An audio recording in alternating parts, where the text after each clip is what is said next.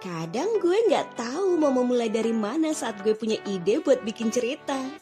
Dan hari ini, gue baru nyadar kalau selama gue bikin podcast anak bohong ini, gue udah banyak bikin cerita yang semua keluar dari isi kepala gue.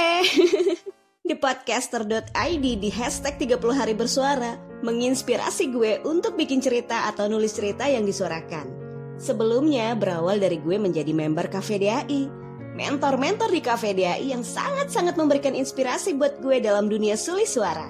Begitu juga Buff Audiobook Indonesia.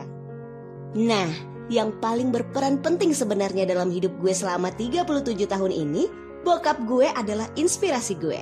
Bokap gue itu adalah laki terbaik dalam hidup gue. Gue bersyukur jadi anaknya bokap yang sabar banget sama gue. Nyokap gue juga. Nyokap itu wanita tangguh loh.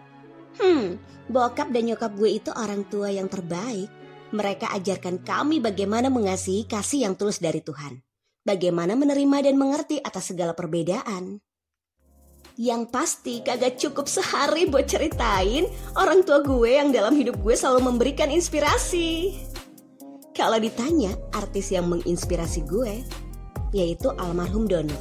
Kenapa? Dono itu cerdas dan apa adanya. Selebihnya, teman-teman bisa cek aja di Google. Kelebihan karakter apa yang ada pada diri beliau. Terus soal sulis suara. Gue suka denger suara saat gue di bioskop. Nah, saat ini baru gue tahu itu ternyata suaranya Bunda Maria Untul.